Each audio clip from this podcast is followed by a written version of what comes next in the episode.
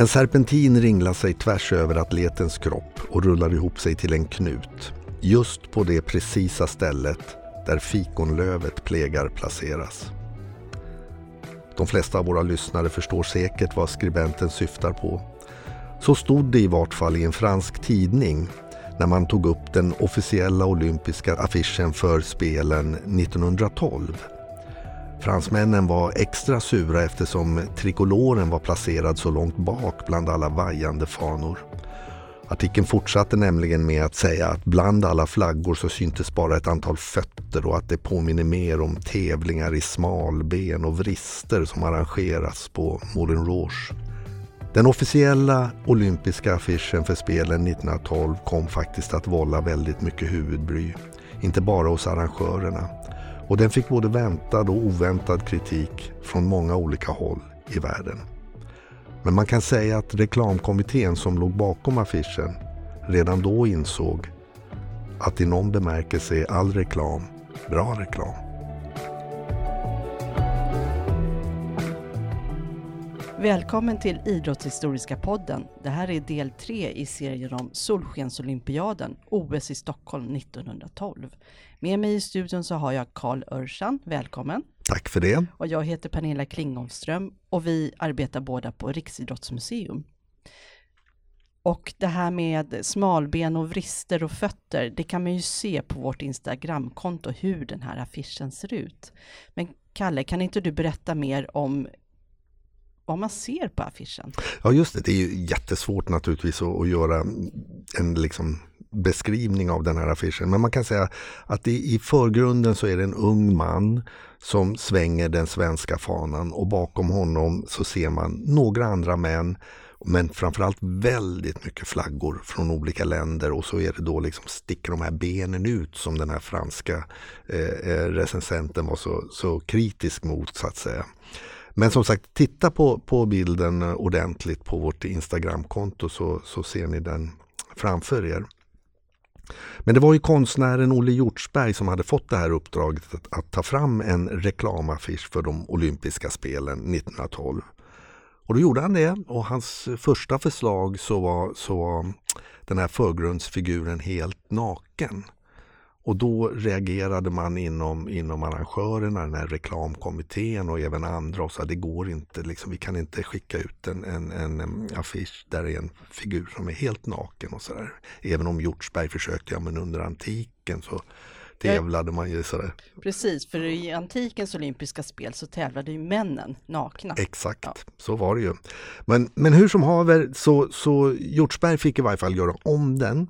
Och det här var ju inte liksom eh, slut på den här historien med det. Men, men han fick göra om den och det är då han har den här eh, serpentinen som fransmännen pratar om. Som ni också kan se på bilden hur den liksom ringlar sig runt den här delen av, av kroppen som egentligen inte skulle synas.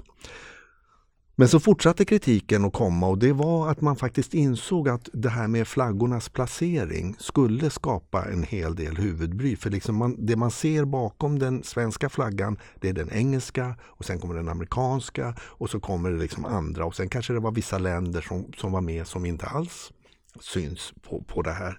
Så man förstod att det här skulle bli eh, problem och man började faktiskt ta fram alternativa förslag och det var väldigt intensiva diskussioner. Så tittar man i protokollen från, från, central, eh, från eh, OS-kommitténs eh, eh, protokoll av olika slag så ser man verkligen hur de är upprörda och eh, inte alls kan komma överens och några säger att den är ju en anskrämlig affisch. Och, eh, liksom, jo, när man sen visade den här affischen för tidningar för att det, så här kommer den att se ut och då var det någon som sa att det ser ut som den där huvudfiguren av tarmvred och så. Va?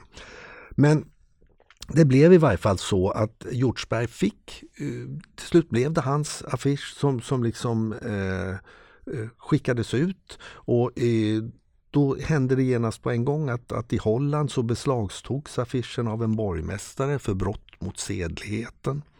I Kina så hade man ungefär samma sak. Där var det brott mot anständighetsbegreppen men det betyder i princip samma sak och sådär. Så att det var ju Det blev liksom reaktioner på den här affischen. Och det var då man på något sätt insåg att det här är ju kanske bra. Nu pratar man ju faktiskt om, om de här olympiska spelen ändå. Men det var ju inte bara sedligheten som, som man ifrågasatte på affischen.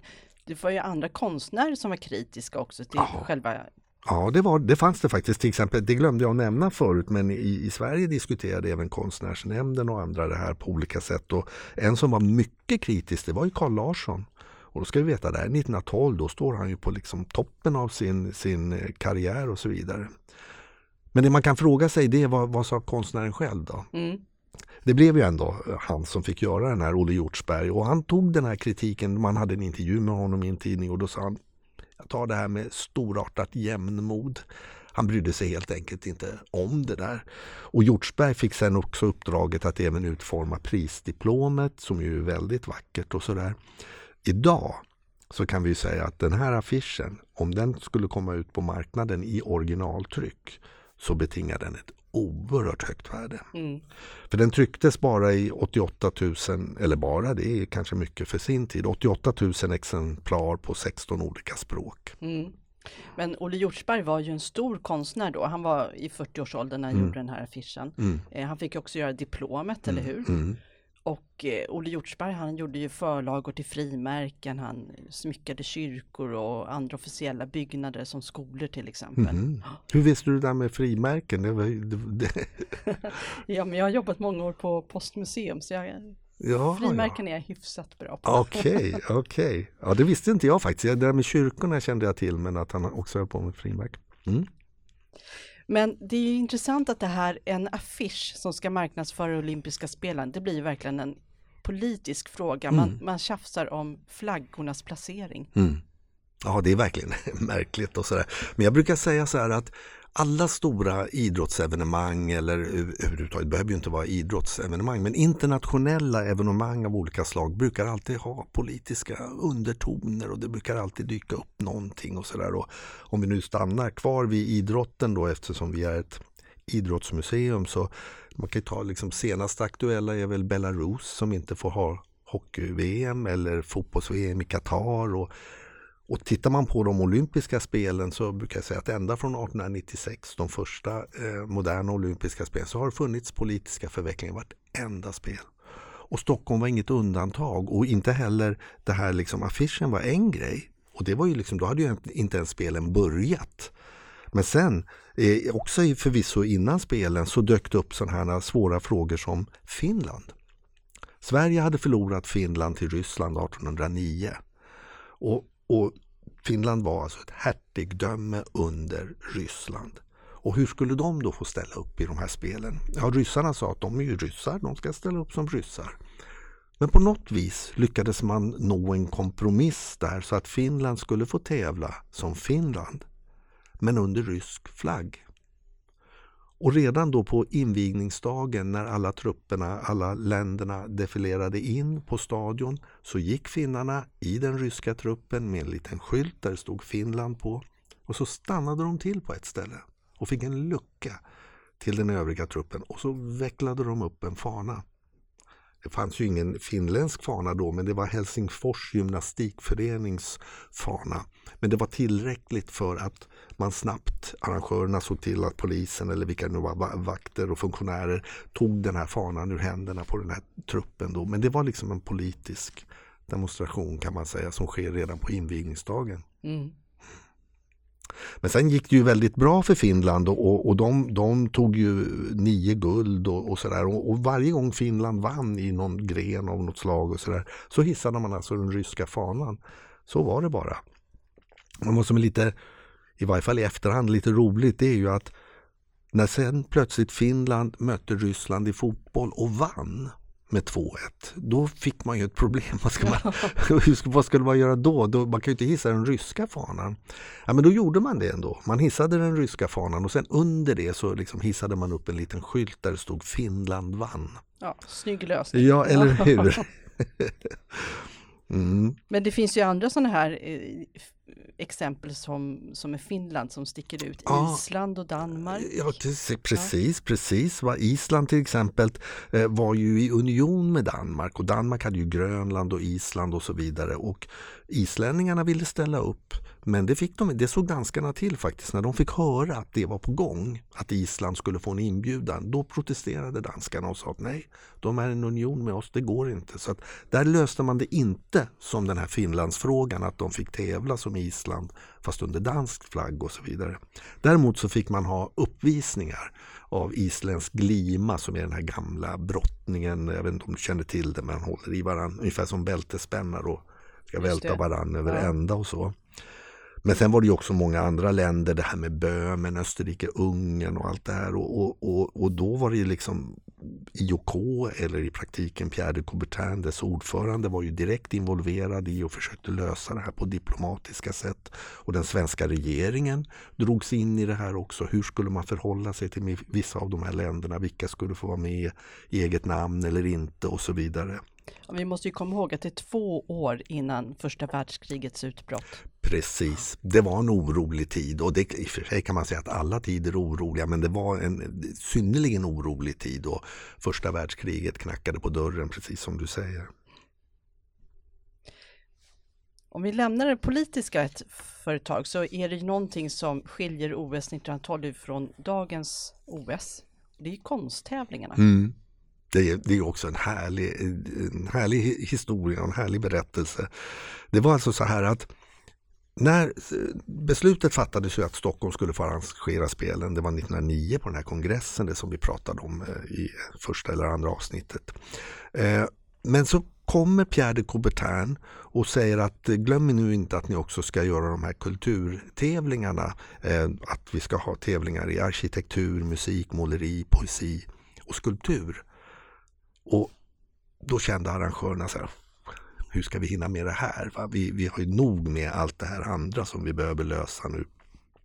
Det som vi också pratade om förra gången, amatörfrågan. Mm. Hur ska man förhålla sig till den? Och man hade det här med länderna och politiska förvecklingarna och ja, massor att göra helt enkelt. Så man kände att vi, vi liksom vi vill inte göra det här och eh, man nämnde det för Pierre de Coubertin att vi kan vi inte liksom strunta i de här kulturtävlingarna. Vi har nog med allt annat och, och, och sådär.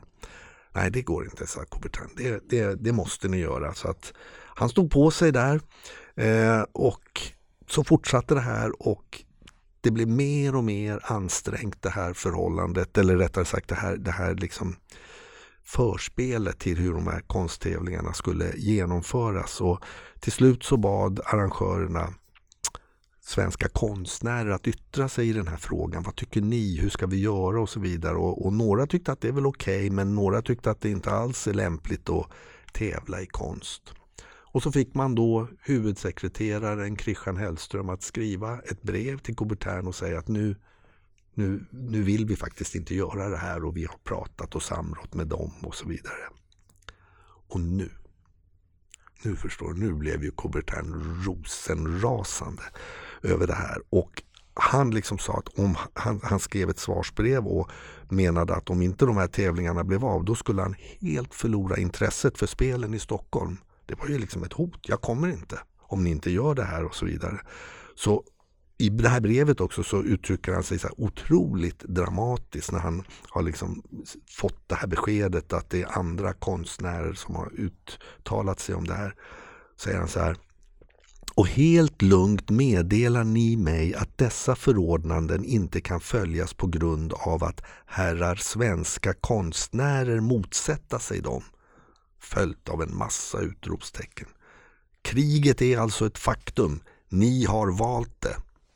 Det där var ju verkligen... Ja men det är ju höga insatser får man ju säga. Oh, ja, vad, vad hände då? Nej, arrangörerna fick ju, fick ju vika ner sig helt enkelt där. Men lösningen blev ändå en slags kompromiss som gick ut på att Stockholm och Sverige, då arrangörerna, de skulle så att säga utlysa de här tävlingarna men alla bidrag skulle skickas till IOK.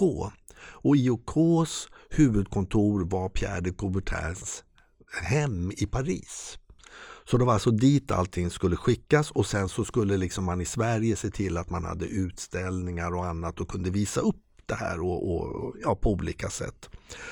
Men det visar sig att, att det, här liksom arkivmaterialet som, som finns kvar från de här tävlingarna är inte så väl bevarade faktiskt. Men det visar sig att av de här 35 namnen som hade skickat in bidrag i de olika tävlingarna så, så är det inget som är ett särskilt känt namn, inte ens under dåtiden. Så det var liksom det var inte det där genomslaget som Coubertin ville. Han ville att det skulle vara liksom varje lands absolut bästa konstnär eller musiker eller arkitekt eller vad det är. Att man skulle göra det i idrottslig anda förstås. Det glömde jag nämna. Det var ju jätteviktigt mm. att det skulle finnas en idrottskoppling här. Men eh, det är liksom inga, inga av de här namnen är kända. Men sen Våren 1912 så meddelade ändå IOK, Pierre de Coubertin, att de här har vunnit. Man utsåg vinnare i de olika grenarna. Och i poesi så segrade pseudonymen George Horod, tror jag det uttalas, och M. Echbach med dikten Od till idrotten. Det var en lång, 14 strofer lång dikt där man liksom hyllade idrotten på en massa olika sätt. Och nu kommer det roliga i den här historien. Det är att långt senare så avslöjas att författaren till det här diktverket var ingen mindre än Pierre de Coubertin. Ja, men han är ju ändå påhittig och driftig, det ja, måste man ju säga. Absolut. Alltså man fick reda på det där, för, för, han hade själv skrivit en roman under den här ena pseudonymen tidigare, Horod. Det, var, det, det, hade han använt tidigare och det här Echbach är egentligen en plats, eh, om jag inte minns fel, där hans hustru kom ifrån. Så att det är därför man vet att det är egentligen han som har, har skrivit det här. Men det, jag tycker det är så roligt att föreställa mig hur han i sin Parisvåning sitter där med, med kanske tre, fyra olika dikter och så tycker han, nej men den där är ju inget bra, den min är ju bäst. Men då, det kan han ju inte liksom skriva det när det har varit det här bråket med, med, med svenskarna. Men de här kulturtävlingarna de fortsatte i varje fall sen eh, i följande OS 20, 24, 28, 32, 36 och 48.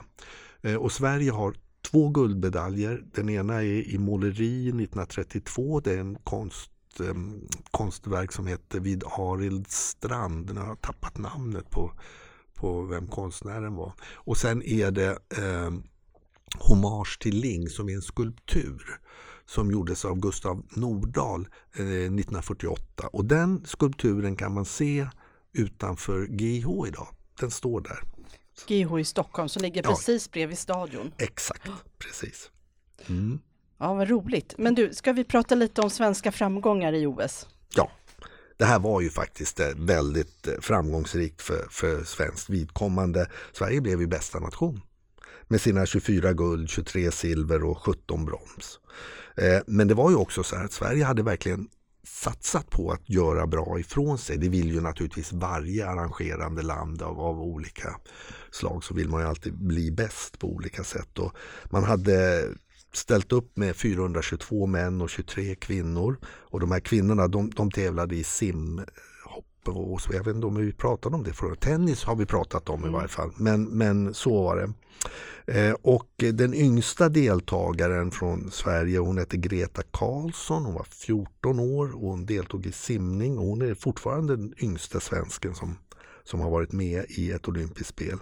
Och den äldsta det är den här roliga härliga mannen Oskar Svan. Svan var en, var, en, var en släkt kan man säga med duktiga skyttar. Hans söner var med och de tävlade tillsammans på olika sätt. Men Oskar Svan var 1912 65 år och blev guldmedaljör eh, i, jag tror det var löpande gjort. Jag vet också att han är den äldste medaljören någonsin för att han tog silver i Antwerpen 1920 och då var han 72 år gammal. Det finns underbara bilder och jag tror att vi kommer att lägga ut på Instagram också. Man ser han står där med sitt enormt långa vita skägg. Men så Sverige hade stora framgångar men det var ju också så här att man satsade väldigt hårt på det här och då skaffade man sig tränare. Och det ska vi veta att i början av förra seklet var det inte vanligt att man hade personliga eller överhuvudtaget tränare utan man var ute och sprang och, och, och gjorde lite övningar för sig själv och så vidare. Så man tog och anställde svensk-amerikanen Ernie Hjertzberg som tränare för friidrottarna. Och han liksom kom tidigt och han ställde stora krav. Liksom amerikanerna var ju långt framme i det här med tränings, ja, hur man tränade inför olika grejer. Så att det kunde då Ernie föra in här. Och sen så tog man hit en engelsman som skulle hjälpa simmarna. Han hette Charles Hurley. Eh, och Hurley, han, liksom, han lär ha sagt det första han sa när han kom till Sverige och såg de här svenska simmarna. Så sa han, men de äter för mycket och för ofta. Om träningen överhuvudtaget ska medföra nytta måste en viss måttlighet i detta avseende iakttas. Så han var ju liksom, såg någonting eh, direkt där. Men det var ju väldigt bra. Sverige, det gick bra för Sverige i simtävlingar, det gick jättebra i, i friidrottstävlingarna också. Och i, man liksom var med i, i, i, de flesta, i de flesta idrotter var man duktig. Till exempel i den här moderna femkampen. Det var liksom första gången som man genomförde det. Då, då var det liksom grenarna var fäktning, terrängridning, simning, skytte och terränglöpning. Och här dominerade Sverige fullständigt. Det var fyra svenskar i topp. Liljehök, Åsbrink, De Laval och Grönhagen och på femte plats då kom amerikanen George Patton. Och för vissa av våra lyssnare så kanske man känner igen det här för att han var nämligen pansargeneralen under andra världskriget. Och Riksidrottsmuseet fick för övrigt, det kan jag berätta, får jag berätta en liten sidohistoria där för ett 20-tal år sedan så, så kom det en, en man och sa att ja, jag har ett par boxhandskar från 1912 som användes av Sidney Stranne i den moderna femkampen och han använde dem när han mötte general Patton, sa den här mannen. Och jag tog emot de där handskarna och så tittade jag och man, de, man såg att det här är från början av, av, förra seklet så det var ingen tvekan om det. Det stod S. Stranne inskrivet i dem där så att förmodligen hade de tillhört den här Sidney Stranne. Men man boxades ju inte Nej i den moderna femkampen. Så hur ska vi då, nu är jag inne på ämnet eh, för hur museer ska ta emot, hur kan vi veta att de verkligen är de här sakerna som de utger sig för att vara? Men jag skulle säga så här att det är säkert inte omöjligt att, eh, att de har tillhört Sidney Stranne, det är klart, det är jag ganska övertygad om och han deltog i den moderna femkampen så det vet vi, han finns med i den där officiella redogörelsen och så. Men då kan man tänka sig att han kanske boxades utanför tävlingarna med general Patton och använde då de där handskarna. Ja, det där var ett sidospår men det, det, ja, men det är spännande. Ja, det är lite kul, eller hur? I skytte så hade man, ja jag pratade ju om det här skytte då liksom, eh, där, där var ju Sverige också poäng bäst och, och erövrade tre individuella guld och fyra lagguld och så vidare. Ridsporten fick sitt stora genombrott vid OS i Stockholm. Och nu kommer vår gamle vän Clarence von Rosen in i bilden här igen och han propagerade tidigt för ett omfattande ridprogram i OS. Eh, han ville liksom se det som en tävling mellan olika länders beridna officerare. För svensk del blev hästtävlingarna en stor succé med fyra av fem möjliga guldmedaljer. Men eh, du pratade om att det inte var så många kvinnliga deltagare utan det, eh, och det var ju också för att de inte fick delta i så många idrottsgrenar. Mm. Men vi har ju framgångsrika kvinnliga idrottare i OS 1912, eller hur? Ja, vi har ju hon Sigrid Fick som fick, silvermedalj där, fick, fick silvermedalj. Eh, eh, fast det var ju bara två, två eh, en match som spelades. Men, men kanske ännu större och viktigare i det här sammanhanget det är ju den blott 17-åriga Greta Johansson som vinner damernas raka hopp i simtävlingarna och det är det första olympiska guldet som en, en svensk kvinna erövrar. Och det, Jens Lind har gjort ett program om henne som har visats i tv. Det är en fantastiskt spännande historia. Hon liksom föddes ju där Eldkvarn stod, eh, där stadshuset numera står eh, i, i Stockholm under ganska knepiga förhållanden vad jag förstår. Men hon var duktig på det här och tränade på Strömbadet som låg mitt emot eh, nuvarande stadshuset kan man säga. Och sen efter OS åkte hon till USA och eh, var eh, mycket framgångsrik i Florida och liksom eh, tränade och hade mycket för sig där. hon är invald i Swimming Hall of Fame i Florida. Så att Greta Johansson, 17 år, 1912, vinner raka hopp och har också ett gott eftermäle. Hur var det på herrsidan i simning då, Kalle? Ja, där var det Loppan kallades han. Erik Adlers, han tog guld i varierade och raka hopp. Så att det var bra, det var han bra på.